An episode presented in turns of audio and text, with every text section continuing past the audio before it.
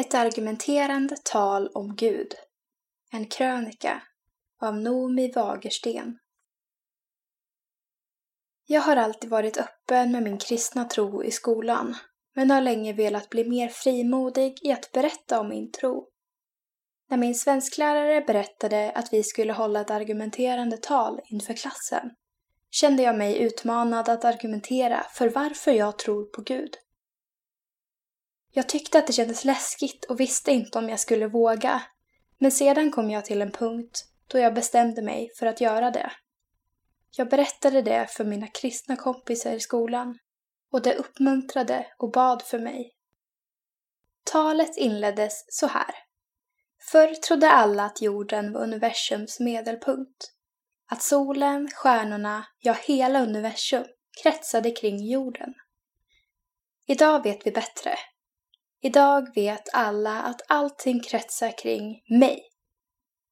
Jag fortsatte med att ställa frågan om det kanske finns något större utanför mig själv. Sedan lade jag fram tre argument för Guds existens. Ett vetenskapligt, ett erfarenhetsbaserat och ett känslomässigt. Talets slutsats. Jag tror att Gud är universums medelpunkt.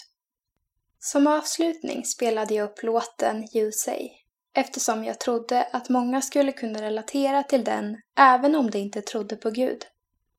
Mycket riktigt blev många i klassen rörda och ett par började till och med att gråta.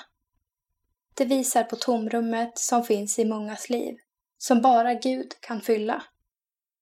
Efteråt fick jag höra av många att talet varit bra och några veckor senare berättade min lärare att det hade gått bra. Hon frågade till och med om hon fick använda talet som elevexempel till både svenskan och religionen. Det blev tydligt att Gud använde sig av mig för att verka på skolan. Mer än vad jag själv hade trott när jag bestämde mig för att hålla det här talet.